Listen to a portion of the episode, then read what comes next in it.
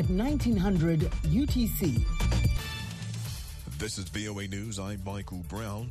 AP correspondent Ed Donahue reports the United States is preparing new punishment for Russia. President Biden met with Navalny's widow and daughter in San Francisco. As to state the obvious, he was a man of incredible courage.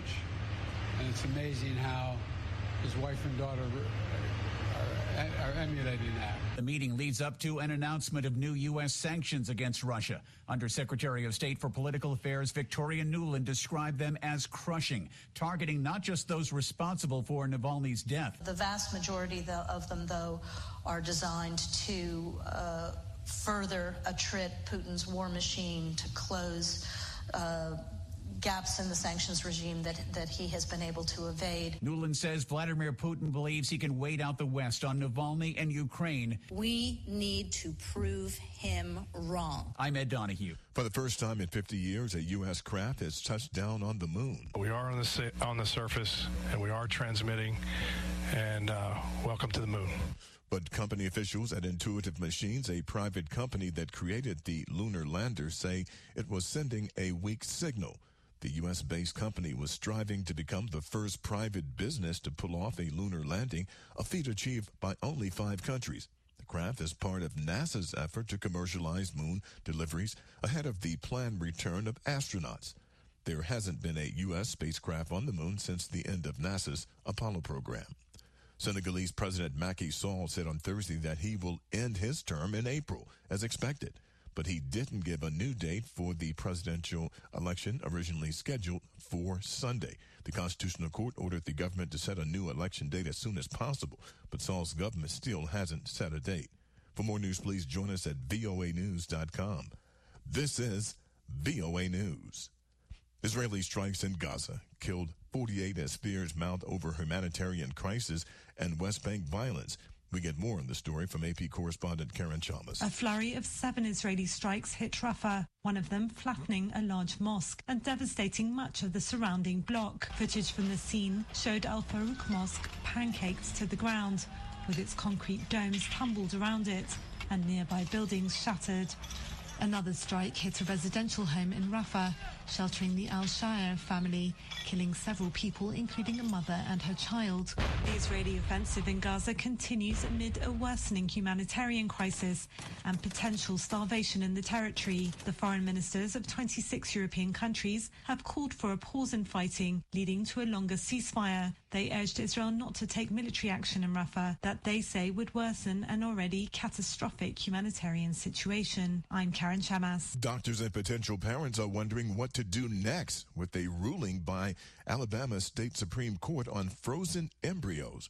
We get the details from the AP's Jackie Quinn. Several medical facilities, including the University of Alabama at Birmingham, are halting their in vitro fertilization programs, with the state Supreme Court saying that frozen embryos are legally considered the same as children, and providers can be held responsible for their deaths. Equating an embryo to a child is scientifically unfounded. In Atlanta, Dr. Jennifer Kawwass at Emory's Reproductive Center, limiting the capacity of physicians to care for patients with infertility. But at the Fertility Institute of North Alabama, Dr. Brett Davenport tells the AP they'll continue providing services as usual. We will um, adjust our informed consents and re redo those with all of these patients. Some legal experts think the Alabama ruling is just the tip of the iceberg. I'm Jackie Quinn. Britain and its former partners in the European Union have struck a deal to cooperate more on tackling illegal migration. It's the latest sign of a thawing in relations between the two sides following Brexit. The British government said in a statement Friday that the UK border agencies and the EU's border and coast guard agencies Frontex will be able to access each other's intelligence to secure borders and tackle organized immigration crime. Relations between the two sides on an array of issues has been improving in the past few months. Ties were severely tested during the drawn out divorce negotiations that followed Britain's 2006, or uh, 2016, that is, vote to leave the EU. For details on much more news, we invite you to join us at our website, voanews.com. I'm Michael Brown, VOA News.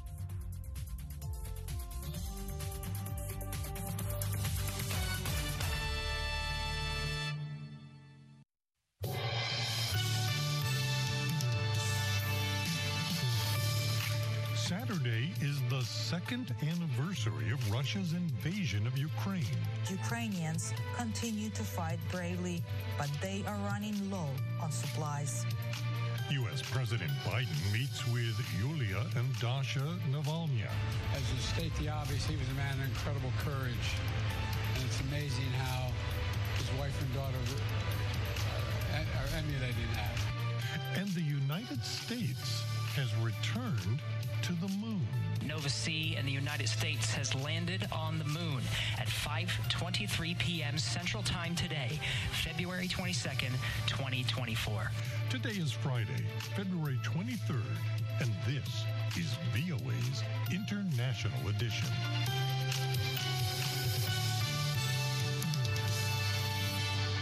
I'm Scott Walterman. Saturday marks the second anniversary of the Russian invasion of Ukraine. It's been a tough week for Ukraine. A major retreat on the battlefield, still no new aid from the United States, and both materiel and troops growing thin. From Kiev, Here's VOA Eastern Europe Bureau Chief Myroslava Gongadze. Days before the second anniversary of Russia's full-scale invasion, Ukraine decided to withdraw from Avdiivka, a city in the Donetsk region. In the U.S., the White House blamed the move on Congress's failure to provide additional aid, saying that Ukrainians continue to fight bravely, but they are running low on supplies.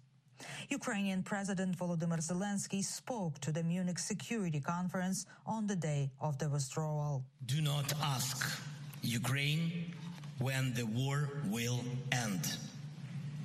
Ask yourself, why is Putin still able to continue it? Ukrainians in Kiev are taking it hard and bracing for the prospect of a prolonged war. Kyiv Independent editor Olga Rudenko was at her desk when the Russian invasion began in February 2022 when her online publication was just months old. Antony Blinken said that the invasion of Ukraine is going to start uh, before dawn. And that was the moment when it suddenly became very real. When Russian President Vladimir Putin finished his speech on the eve of the invasion, she was ready. We prepared a news item saying Putin announces um, war against Ukraine. And uh, when he stopped speaking, we published it. And uh, around that time, we heard explosions. After two years of continuous war coverage, the Kyiv Independent became a main English language publication reporting developments on the ground in Ukraine. Its goal is to help the world understand what Ukrainians are fighting for. It is very frustrating to be here in Ukraine and to watch all the news coming out uh, about the Congress not uh, being able to vote for the aid package for Ukraine because it may be, you know, for them, maybe numbers, but for us, it's about real lives and real people. Volodymyr Omelyan, a major in the armed forces of Ukraine, once served as Ukraine's Minister of Infrastructure. Standing in Kyiv's central square, he reflected on Ukraine's state of mind we become much stronger uh, by arms, by people, and definitely it's not a kind of pleasant cruise. And it's not that that war will be over in two, three weeks or very soon. It will take a while, unfortunately. But uh, morale is still very high because if there is no will, there is no victory. And in our case, will is strong. In Kyiv, people hope the war will end. I want to see my mother, father. They are from, uh, uh, they are abroad. I'm here staying because I can't uh, come to them. We're scary every day, every night. We we want to peace in our country. We want to stop Putin and return our territory. This is, will be a long war and uh, feel terrible. Ukraine uh, uh, will not win with this big enemy without international community. The Ukrainians who spoke with VOA said that if drafted, they would join and defend their country. They also said that they hope the world understands they are fighting for common democratic values and that they need help. Myroslava Gongadze, VOA News, Kyiv, Ukraine. Myroslava got a chance to sit down with the U.S. ambassador to Ukraine, Bridget Brink. Here's some of that conversation. So thank you for, for this opportunity. Um, you arrived in Ukraine uh, as a U.S. ambassador a few months after um, the full-scale invasion of Ukraine. How did you find Ukraine back then, and how did you find Ukraine now? Well, I found Ukraine and Ukrainians tough and resilient, and I find the exact same today. And I'm really proud we have supported Ukraine. We just have to help you finish the job. Today, Ukraine is in dire need of military support. There are delays in Congress um, for uh, for this support. Uh, how are uh, you explaining to Ukrainians uh, why it's taking so long to U.S. to decide uh, when and, and how they will support Ukraine? Well, what I've been explaining to Ukrainians is that there's bipartisan support for Ukraine in America and in our Congress. I have been doing, and the president and everyone in the administration has been doing everything possible to communicate to Congress and also to the American people why it's important to support Ukraine, and we will continue to do that. Despite congressional uh, inaction um, to send much needed uh, support, Pew Research Institute had a research 73% of Americans supporting um, the Ukraine as a, a, national security interest for the uh, United States. There are bipartisan, as you said, support in Congress as well. Is Ukraine winning in the U.S. national interest? Absolutely, yes. Uh, as President Biden said, we support Ukraine winning this war, making sure that it's a strategic defeat for Putin. And I think there's broad support for that in the Congress and among the American people. Conservative voices in, um, in Congress are asking about accountability for the U.S. Um, aid for Ukraine. U.S. inspectors recently visited Kyiv. Uh, can you give us some insight how um, the accountability process works here in Ukraine? Well, I can tell you we're watching like a hawk from the embassy. About a third of my team is devoted to oversight. We also have three inspectors general who are at the embassy as well, and they have staff of 400 people in around the world. So there is oversight happening both uh, with the Ukrainians, with us at the embassy, and also just generally. Do they have access to the to facilities where those uh, weapons and, and other ammunition uh, are held? They have access to every place that we can get to physically and to places where they can't have access, for example, on the front lines, we have developed some alternative means to account for things like weapons. In the last two years, the United States helped Ukraine uh, a lot uh, militarily, but a lot of money actually stays in the United States uh, in uh, in rural community that produce those weapons. Uh, do you have some insights of how the money is spent? Thanks for that question.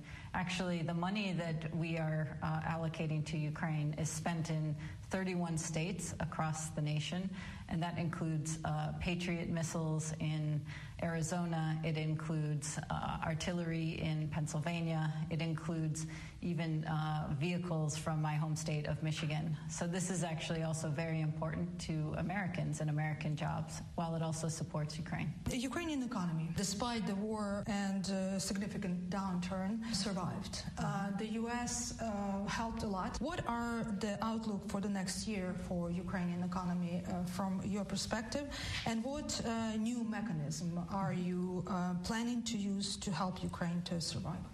This is actually uh, maybe one of the biggest successes that Ukraine has had outside of the military sphere. Um, your economy, the Ukrainian economy, has grown by 5% in the last year. It's phenomenal. A big part of that is uh, Ukrainian ability to continue exports. And that was done even though Russia pulled out of the Black Sea Grain Initiative. Uh, through incredibly brave and creative efforts, a new corridor was created out of the Black Sea ports and now 760 ships and over 23 million metric tons of goods have uh, set sail uh, safely, and that's important to the world because it was getting it's getting grain and other supplies out, but also very important to Ukraine's economy. I talked to uh, Ukrainian business, and uh, they are uh, really appreciative of, uh, especially insurance mechanism that Western financial institutions are using. Are you planning to expand that effort? Yes, we're working together with the Ukrainian government as well as other partners to support in every way we can uh, increasing exports out of the Black Sea ports, out of the Danube ports, and also improving border crossings and other things uh, to facilitate these exports and ultimately bring money back into state coffers. This is a big part of our assistance, and it's uh, supporting Ukraine's ability to sustain itself. What are your outlook for the next year and uh, for Ukraine and uh, for the region? Well, I, it's the same as when I started. Ukraine must win. The United States, together with partners and allies, are going to continue to support Ukrainians in this objective. And what that means is to reclaim their territories, to move closer to Europe, to the EU, and ultimately to NATO, uh, to move toward what what Ukrainians want, which is a sovereign, independent, prosperous country that's integrated into Euro Atlantic institutions. That will be a strong and important partner for the United States, and that's what we support. VOA's Eastern Europe Bureau Chief, Myroslava Gongadze, with U.S. Ambassador to Ukraine, Bridget Brink. President Joe Biden met privately in California on Thursday with the widow and daughter of Kremlin opposition leader Alexei Navalny who died in a Russian prison. As to state the obvious, he was a man of incredible courage. And it's amazing how his wife and daughter are, are emulating that. We're going to be announcing the sanctions against Putin, who is responsible for his death. Yulia and Dasha Navalny met with Biden in San Francisco. The strain of war among other things, has fractured the relationship between the United States and Russia. Some say it's worse than it was at the lowest point of the Cold War. Here's Reuters correspondent Lauren Anthony. First of all, the Kremlin lashed out at Joe Biden on Thursday after the US president called Russia's Vladimir Putin a crazy SOB. It said Biden had debased the United States and called his remarks part of a failed Hollywood cowboy act. Here's Kremlin spokesperson Dmitry Peskov.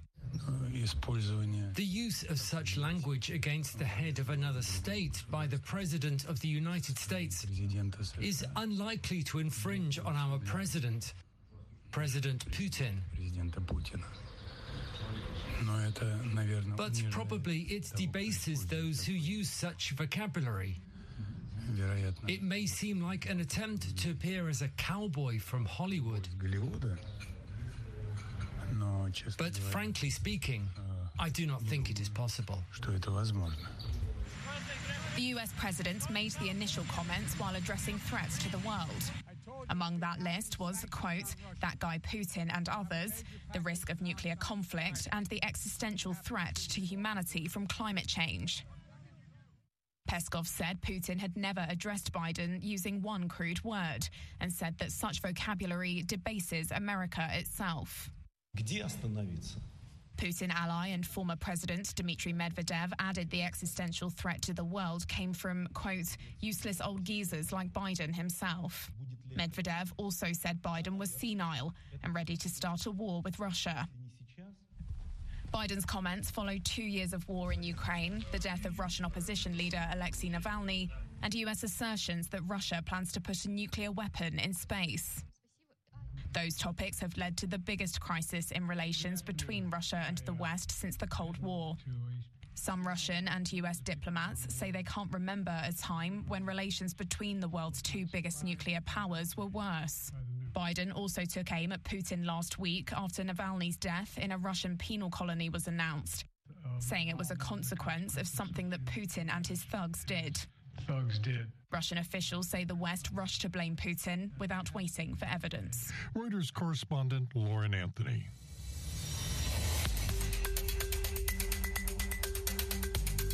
We're following these other stories from around the world. Senegal President Macky Sall said on Thursday that April 2nd will be the end of his mandate as president. He added, however, that it was unlikely the election of a new president will be completed before then. Last week promised he would abide by the Constitutional Council's request for the vote to be scheduled as soon as possible. South Korea has raised its health alert as of Friday morning after thousands of doctors walked off the job this week to protest a government plan to raise the number of medical school admissions. The health ministry said South Korea will maximize the use of public hospitals to help alleviate pressures on the medical system caused by the ongoing walkout. The United States, Britain, France, and Germany on Thursday all backed outgoing Dutch Prime Minister Mark Rutte to succeed Jens Stoltenberg as the head of NATO, putting him in a strong position to win the leadership of the transatlantic alliance. Stoltenberg will step down in October. Three Palestinians opened fire at motorists near an Israeli checkpoint in the occupied West Bank near Jerusalem on Thursday, killing one person and wounding five. Emergency services said one woman was seriously wounded. At the G20 meeting, U.S. Secretary of State Antony Blinken said the ministers discussed the situation in Gaza. The conflict in, in Gaza between Israel and Hamas. We're focused intensely on trying to get an agreement that results in the release of the remaining hostages and that produces an extended humanitarian ceasefire. Uh, and again, those are goals that I think virtually everyone in the G20 shares. Now, although fighting in Gaza shows no signs of ending anytime soon, the international community is looking at a day after scenario in the Gaza Strip. The United States says it wants to see a demilitarized Palestinian state headed by a revitalized Palestinian Authority. Israel continues to reject the creation and recognition of a Palestinian state. Here's Linda Gradstein in Jerusalem. U.S. news reports say Washington envisions a new regional order in which Israel would agree to a demilitarized Palestinian state in the West Bank and Gaza Strip. In return, Israel would get a long coveted peace deal with Saudi Arabia, which in turn would get a defense pact with the U.S. Other Arab countries that already have peace agreements with Israel would provide security assurances that the Palestinian state would not become a threat to Israel. Some Palestinian analysts and former peace talks negotiators view the U.S. initiative as unrealistic and not substantive. Ghaith Omari is a former negotiator for the Palestinian side, now with the Washington Institute for Near East Policy. When the U.S. talks about a Palestinian state, I don't think there is much clarity about the substance of what this means. When they talk about it, they really are responding to a regional demand to at least have a political horizon. It has been tried before. In 1993, Israel and the Palestinians, together with U.S. President Bill Clinton, signed the Oslo Accords, laying out a roadmap to a Palestinian state. That never happened. But some Oslo negotiators say it's not too late, even after the October 7th Hamas massacre and ensuing four months of war in Gaza. Yossi Beilin helped negotiate the Oslo Accords on behalf of Israel. Usually you make peace after war. Look at the history that we all study when did we have uh, in history in Europe or in other places uh, peace treaties after wars? So uh, usually after wars, the hatred on both sides increases. So how come? Because people want to get rid of it, of, of the problem, and eventually are ready to do to to make peace. But Beilin's vision of peace is not in line with current Israeli public opinion, according to a poll by the Israel Democracy Institute that finds two thirds of Jewish Israelis do not support a Palestinian state, even as part of an agreement that includes peace with Saudi Arabia. Linda Gradstein, VOA News, Jerusalem. Both China and Iran addressed the World Court on Thursday, where a request by the UN General Assembly for a non binding advisory opinion on the decades long Israeli Palestinian conflict involving occupied territories is being heard. The Palestinian Israeli conflict stems from Israel's prolonged occupation of Palestinian territory and Israel's long-standing oppression of the Palestinian people. The Palestinian people fight against Israeli oppression and their struggle for completing establishment of an independent state. Thursday was the fourth day of hearings at the International Court of Justice in The Hague.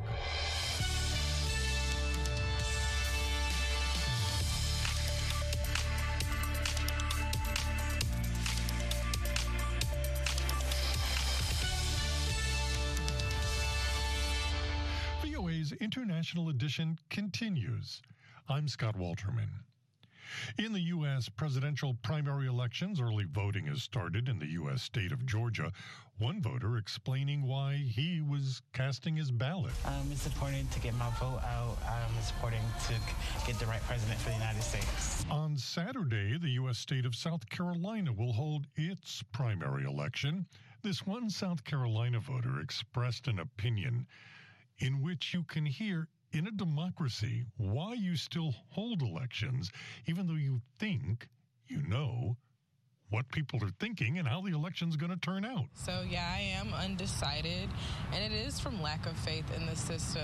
Um, I'm a double minority, I'm black, I'm a woman, so the candidates, you know, well, I guess no one's like chosen yet, but if it does come down to Trump versus Biden again, I'm not really sure.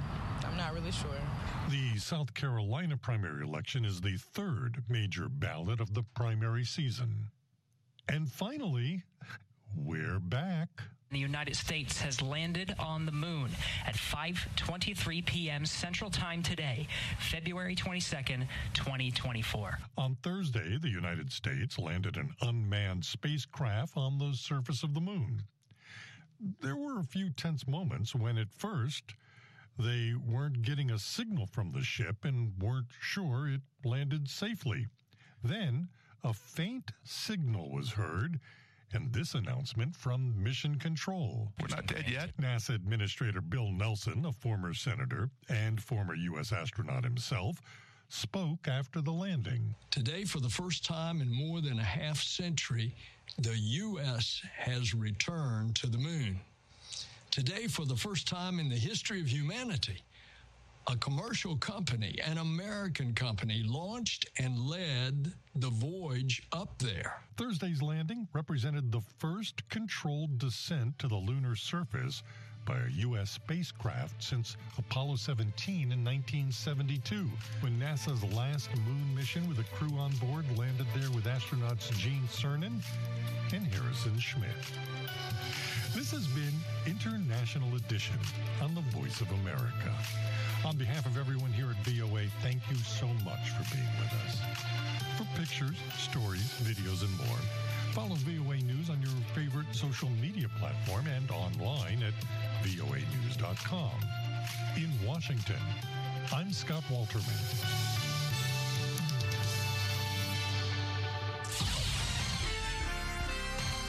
Next, an editorial reflecting the views of the United States government. Russian opposition leader Alexei Navalny died February 16th in a Russian maximum security prison.